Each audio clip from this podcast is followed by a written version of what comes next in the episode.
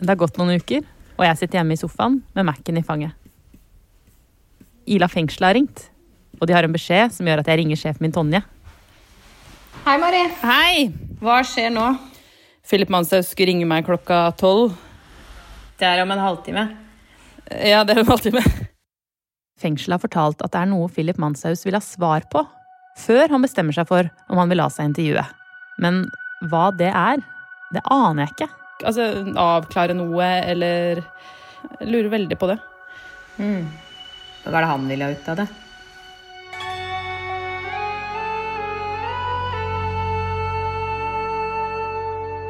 Jeg heter Mari Lund Viktorsen, og du hører på Noen å hate, en dokumentarserie fra Aftenposten.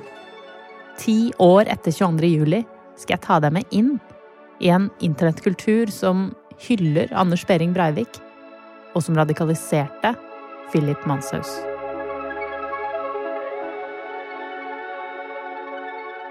Episode to Emoen på Oslo S. I denne episoden skal du få møte en av de sinte unge mennene som sier han var en drittsekk på nett og hata mennesker. Men først vil jeg finne ut hvordan Philip var da han var ungdom og utforska identiteten sin.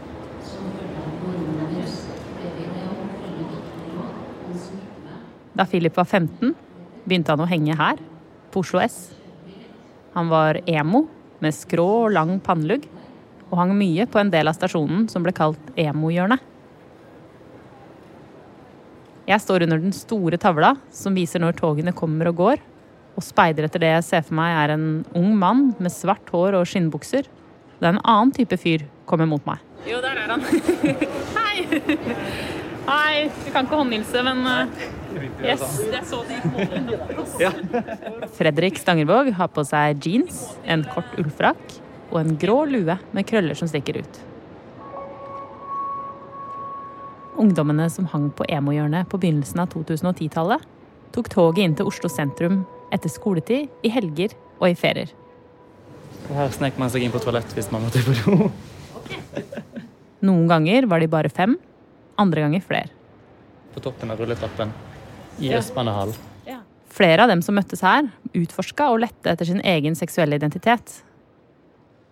De klynga seg sammen på stasjonen, ofte utenfor tegneserie og fantasybutikken Outland. Det var en veldig intim gruppe. Veldig sånn eh, basert på free hugs og alt det her. Eh, så man satt kanskje på fanget til hverandre, tullet med hverandre. eh, Fikk litt i håret til hverandre, satt og bare pratet om hva man skulle gjøre. Hva man skulle gjøre neste gang man møttes. Fredrik åpner sekken og drar fram en tegning. Her har vi Philip. På tegninga har Philip svart hår, åpen rød flanellskjorte og et kjede rundt halsen. Han smiler kanskje ikke så mye, men han har det der eh, blikket han alltid hadde. Hvor han så litt sånn uskyldig ut. Vi trodde han var litt sånn curious da, på seksualiteten sin, så vi syntes det var litt sånn gøy å vise han og på inkludere han i det, vårt miljø der. Senere skal Philip ta sterk avstand fra homofili. Men på ungdomsskolen hadde han både gutte- og jentekjæreste. Men Var du forelska i? Nei, det var jeg ikke. Eh, men man var jo litt sånn utforskende på den tiden der. Fredrik leter etter orda. Jeg lurer på hvordan det er å ha kjent en person som han opplevde som så søt og uskyldig da, men som senere ble terrorist. Klarer på en måte ikke helt å connecte det i forhold til det som har skjedd. da. Jeg ser det sånn som det var. Han syns det er vanskelig å koble den Philip han kjente, til den Philip ble. De to kompisene holdt kontakten et par år, selv om de etter hvert slutta å henge på emo-hjørnet. De ringte hverandre nesten hver dag og prata sammen på internett. Philip i Bærum og Fredrik i Bergen. Noe av det Fredrik husker godt, er at Philip brukte søte emojis, og at favorittsmileyen hans var kolon og et tretall som forestiller en katt.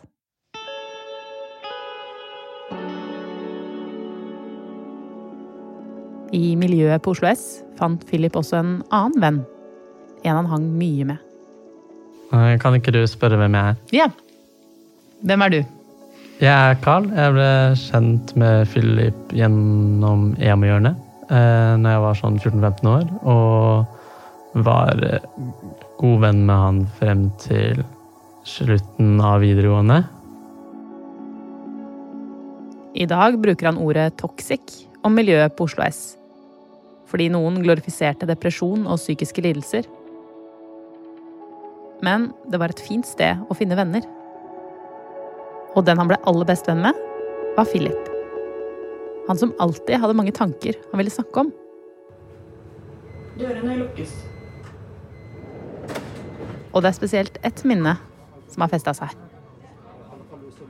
Carl bodde i Elverum, to timer unna. Men han dro ofte inn til Oslo i helgene, og innimellom endte de på T-banen mot Østerås for å overnatte hos Philip. De satt i en full T-banevogn på vei vestover i byen, og foran dem hadde noen en samtale på et annet språk. Og Philip sier til meg 'syns ikke det er kult', og jeg svarer 'hva da'?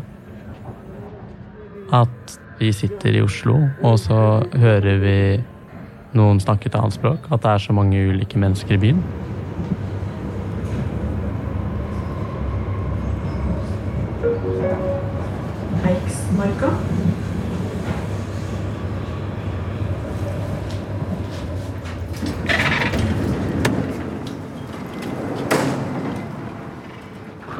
Carl følte seg alltid velkommen i det mørkebrune huset i Bærum. Philip trengte ikke å spørre om lov til å ha overnattingsgjester. Rommet hans var lite og rotete, fylt med ting han hadde spart på fra han var liten. De to kompisene pleide å sitte med hver sin mobil i senga. Da så vi på serier, filmer, vi spilte litt, snakka, chatta med andre venner. Og var oppe hele natta. Hvordan var han på internett i forhold til i det virkelige liv, da? Han var mer i chatteform. Tok på en måte mer plass. Var ikke sky for å skru på capslocken, liksom. Carl forteller at Philip hadde mørk humor. Han kunne le av eh, eller spøke om ganske morbide ting. Jeg føler at veldig mange har en sånn liten sånn edge-fase når man er eh, ungdomsgutt, og så gjelder det å lage de drøyeste vitsene. Og eh, vi var jo litt i den alderen, så det gikk i veldig i drøy humor. Men han hadde evne til ganske mørk humor. Og det er jo også noe man kanskje ser hos folk som har opplevd mye trist, at de dealer med det ved å tulle med det.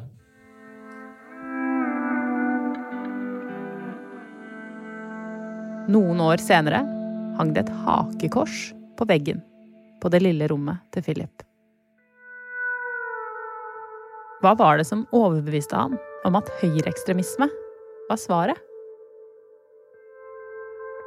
Det er så rart å tenke på at bare en åtte minutters kjøretur fra huset han vokste opp i, sitter Philip nå bak høye nettinggjerder i Ila fengsel.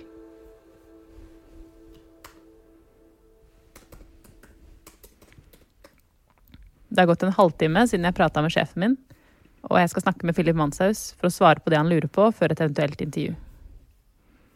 Samtalen skal være på video. Philip skal bruke iPad.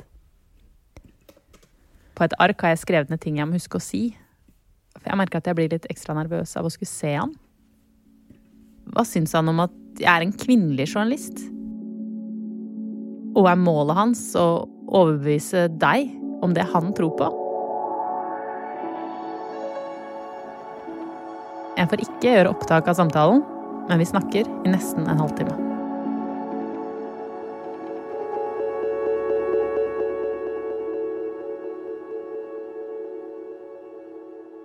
Etterpå ringer jeg tilbake til sjefen min, Tonja. Ja, hei. Hvordan var det? Han vil la seg intervjue, tror jeg. Og så spurte jeg ham hvorfor, og da sa han at han hadde et budskap som var viktig å få frem. Men så enkelt er det ikke. Det er jo ikke sånn at Aftenposten vil slippe han til med hva som helst. Jeg er mer interessert i at han forteller om hvordan han hadde det i oppveksten, og hvordan han ble radikalisert. Og da, da sa han at eh, jo, jo, han kunne for så vidt det, men eh, han syntes ikke akkurat barndommen, da, det hadde ikke vært relevant for han.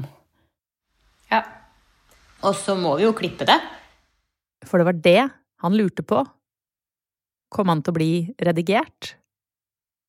Jeg sa ja, men han hørtes positiv ut likevel. Før jeg la på med Philip, avtalte vi å ta det praktiske rundt et intervju med fengselet. Jeg og Tonje ble enige om å gjøre et intervju med han, og så se om vi skal bruke det i podkasten. Ja. Ha det.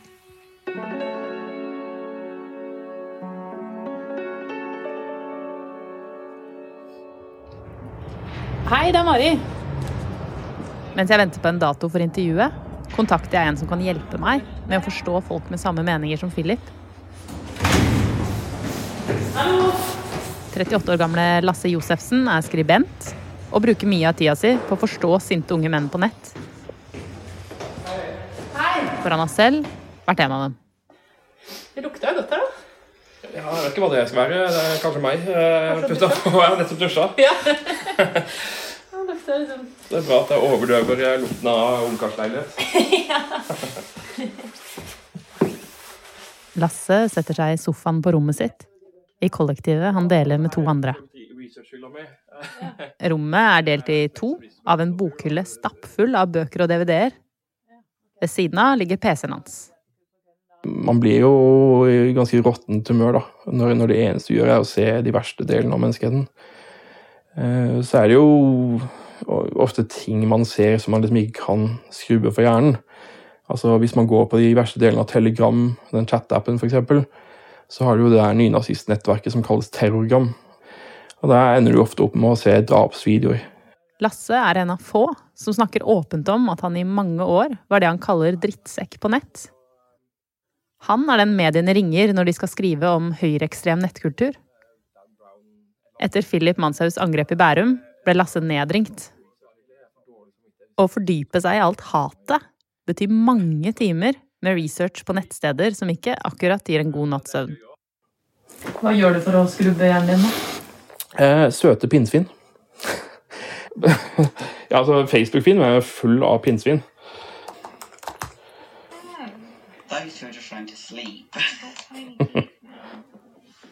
Og de er så nydelige. For under det der piggete overkanten, så har du den runde bollemagen som jeg syns er søt. Jeg blir på godt humør av det her. Plumbo for hjernen når du har blitt forstoppa med sånn her eh, høyreekstremt slagg. Da Lasse var 18 år, rett etter år 2000, oppdaga han et amerikansk forum på internett. Et privat forum. Et sted der kun noen få, rundt 15 medlemmer, ble invitert til å skrive. Eh, Men så kunne resten av verden se på. Hver dag fulgte ca. 1000 andre med på det de skrev. Disse utvalgte medlemmene ble undergrunnskjendiser. Så det ble en sånn slags gladiator altså det er, eh, Ganske ekstreme personligheter. De som ble trukket mot forumet, de elska mørk humor, og de hata menneskeheten, forteller Lasse. Medlemmene var smarte og gode til å skrive, og de krangla og ydmyka hverandre. Det var tiltrukket til, det var, det var misantropien, det rene menneskehatet. da, Den totale forakten. Eh, For jeg var hadde et sinne i meg. eh, Var veldig hatefull mot det meste sjøl. Hvorfor var du egentlig så sint? Jeg er født med litt sånn dunkelt syn på menneskeheten. Det, det er noe jeg ikke helt greier å bli kvitt. Jeg har, jeg har slitt mye med depresjon, eh, sånne ting. Og i tillegg så ble jeg jo diagnosert med ADHD i voksen alder. Så det, det forårsaker en del problemer for meg. altså, skolegangen ble fucka. Eh, Jeg greier ikke å konsentrere meg om noe. Ikke sant? Og til og med med ting som jeg kan, da, med jobb og sånne ting, så, så greier jeg å fucke opp det også veldig ofte, for det mangler konsentrasjon og fokus. Og det, det, det gjør at du blir sånn permanent sur, både på deg sjøl og på alt annet. Kanskje prøve å fremskynde en liten konflikt, så du kan iallfall føle noe for en gangs skyld. Lasse forteller at han alltid har vært trukket mot rare og bisarre ting. Ting som er litt utafor normale. Eh, Jeg kjeder meg veldig fort, og jeg trenger noe som som kan gi meg et kick. Det er jo det forbudte og det farlige, liksom. Han har hatt det sånn så lenge han kan huske. Helt siden han satt gjemt på biblioteket som barn. Altså, jeg, jeg fikk faka eh, altså der eh, tillatelse fra min mor til å kunne låne voksenbøker på biblioteket. For det var ikke nok å lese Den vesle vampyren og sånne ting lenger. I dag, mange år senere, er det én følelse han fortsatt kjenner når han tenker tilbake.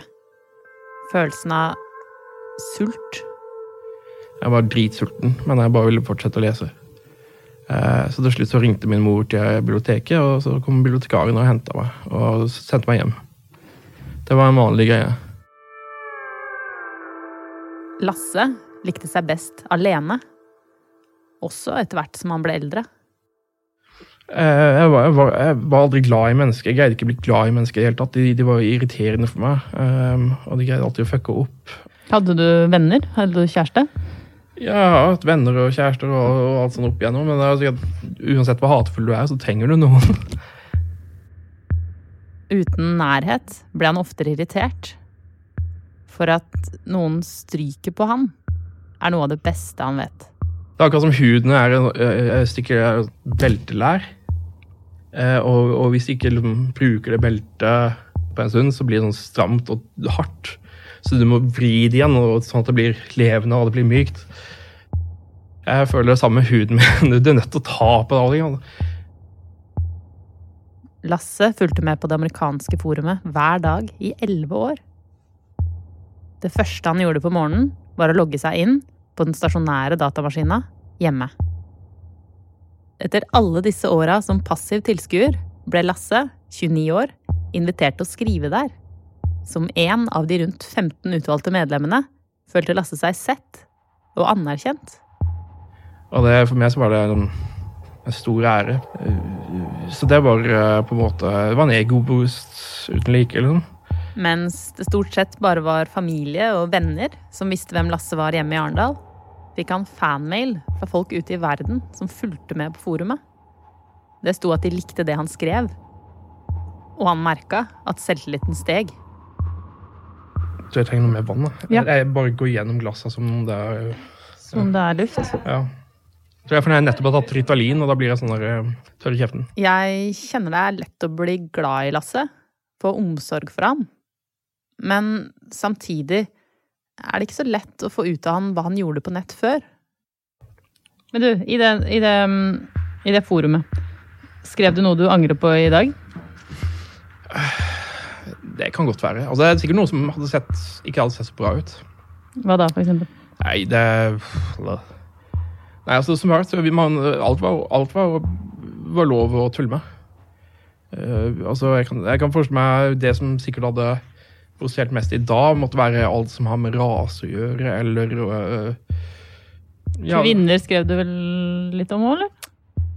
Nei, ja, altså jeg- eh, Iallfall til ting som ikke blir regnet som eh, riktig å si. Eh, men eh, til syvende og sist kunne det være hva du ville. eh, så lenge det bare ikke eh, var en sutrete crybaby som ikke tålte den rå tonen der. Det blir jo litt som på de internettforumene i dag. Der du på en måte, hvis du prøver å liksom, Hei, hei, gutter, slapp av litt, da, må vi roe ned tonen litt. Blir ikke godt mottatt. Etter hvert ble det for mye hat for Lasse. I forumet og blant folka han hadde kontakt med på nett. Flere og flere av dem bevega seg til ytterste høyre. Så han trakk seg ut av det. Jeg, går ikke lenger eh, over alle skatt for å prøve å provosere på meg folk lenger. Lasse mener at han aldri var i nærheten av å bli nynazist. Han ble enda mer sint av å være på forumet, men han var uinteressert i å bruke vold.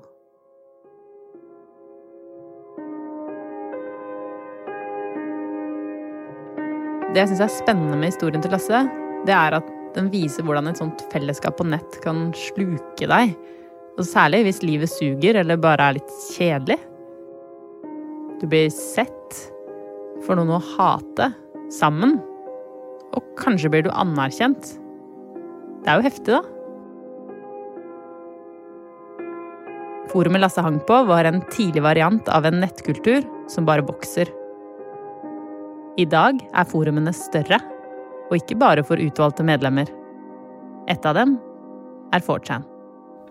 4chan er jo det mest brukte av forumet ikke som er på nettet, ikke der du påstår anonymt. Det, det, det er et, et sånn slags kloakk av alt som Altså, du kan poste hva du vil der. ikke. Men du poster ikke hva du spiser til middag. Nei, ikke med mindre det er bæsj eller noen ting. Ja. Jeg tror meg jeg har sett eh, folk spise bæsj der. Ok. 4chan ble starta av en amerikansk 15-åring som ville dele japanske tegneserier, internetthumor og porno med vennene sine i 2003. 4chan ble populært og var stedet for å utvikle typisk internetthumor. Hvor den opprinnelige vitsen fort blir til tre lag med ironi.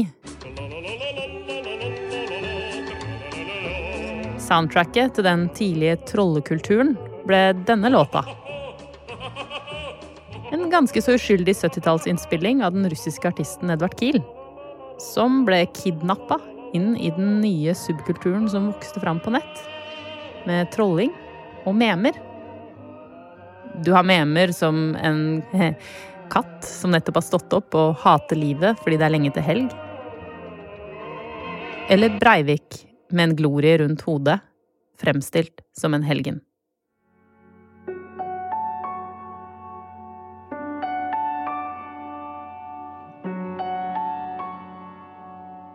Den største kategorien på 4chan heter POL.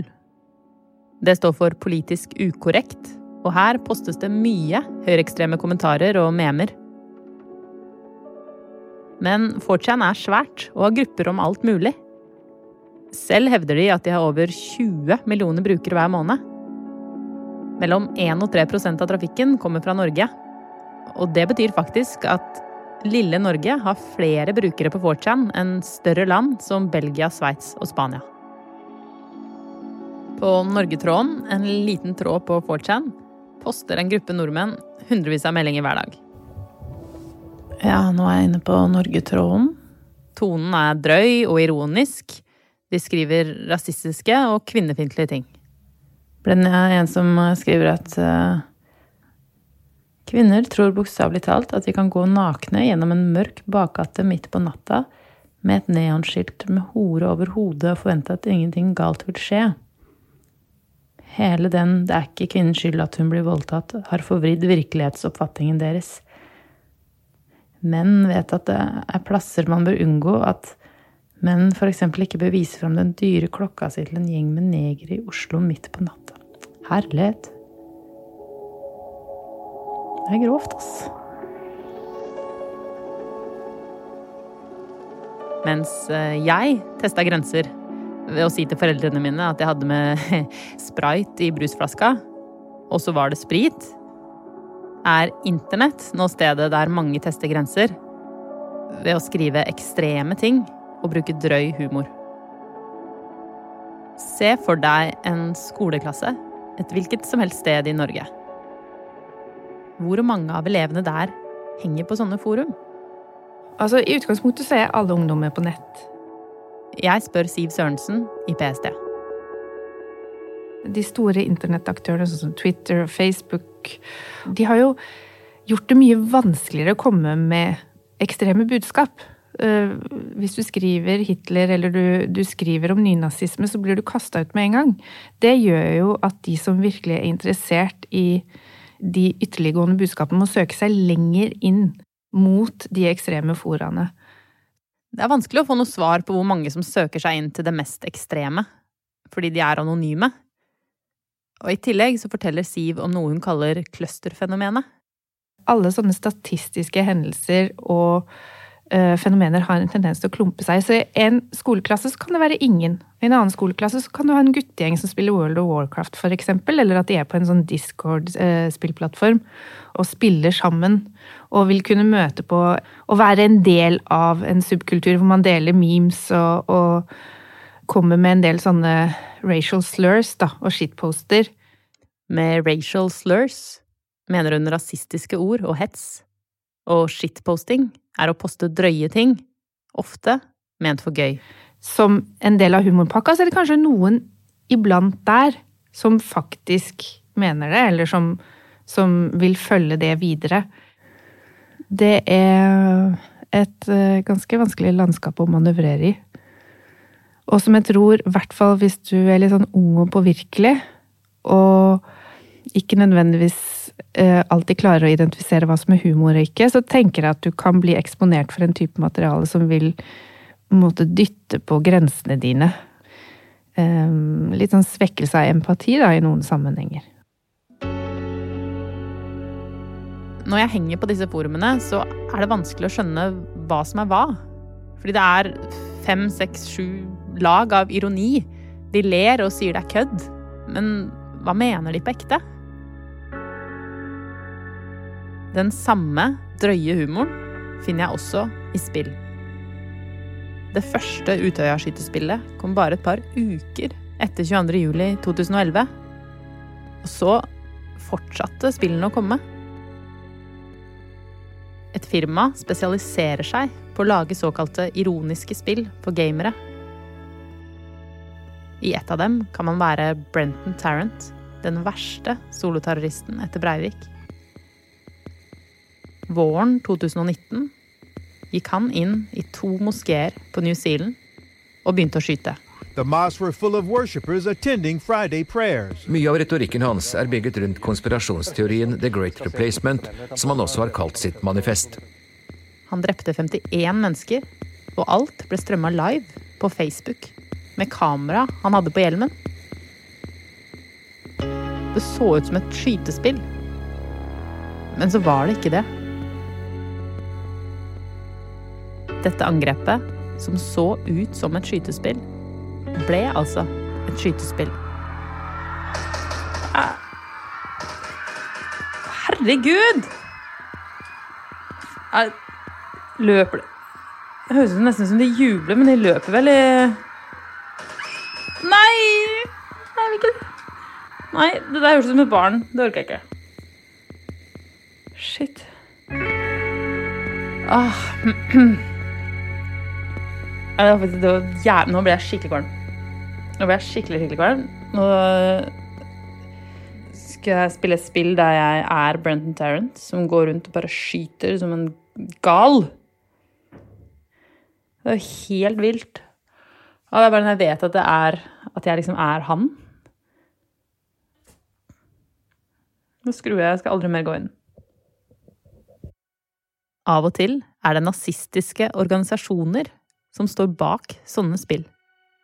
De fisker etter nye, unge medlemmer.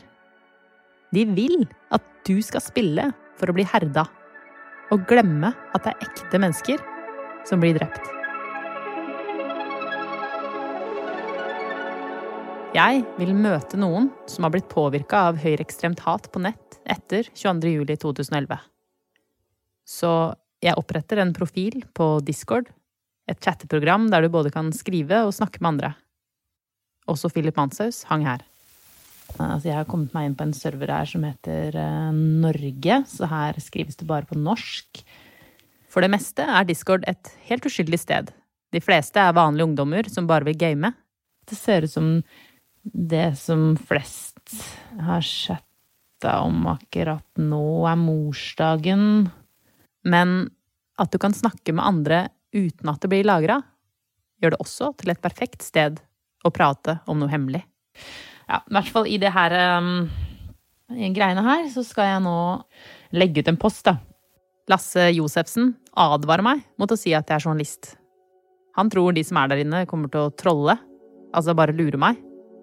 Medier som Aftenposten er jo en av hovedfiendene. Men jeg gjør det likevel. Og da skriver jeg at jeg er journalist i Aftenposten. Hun skulle komme i kontakt med noen som har erfaringer fra forumet med høyreekstremt innhold. Ok. En tråd som heter generelt. Prøver å legge den ut der. Uh. Ok, enter.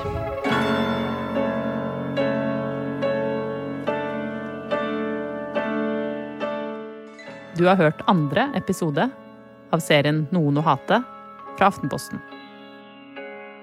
Neste episode kommer tirsdag 8. juni. Vil du høre hele serien med en gang? Gå til ap.no skråstrek hate. Research Trond Strøm og meg, Mari Lund Viktorsen. Produsent og klipp Peter Daatland. Reportasjeledelse Tonje Gedius og Caroline Fossland. Takk til manuskonsulent Kari Hesthamar og Svarttrost Produksjoner, som også har stått for musikk ved Geir Sundstøl. Lyddesign og miks ved Hans Kristen Hyrve. Redaktør for serien er Tone Tveøy Strøm Gundersen. Ansvarlig redaktør i Aftenposten Trine Eilertsen. Takk også til Anne Lindholm og David Vekoni, som har bistått på klipp. Vi har spurt Telegram og 4chan om de vil kommentere at det deles høyreekstremt innhold på plattformene deres. Ingen av dem har svart. Du har hørt lyd fra YouTube, NRK og Associated Press. Kildene vi har brukt i episoden, er The Guardian og evaluering av politiet og PSTs håndtering av terrorhendelsen i Bærum. Er det noe du lurer på, eller har du tips? Send en e-post til lyddokumentar at aftenposten.no.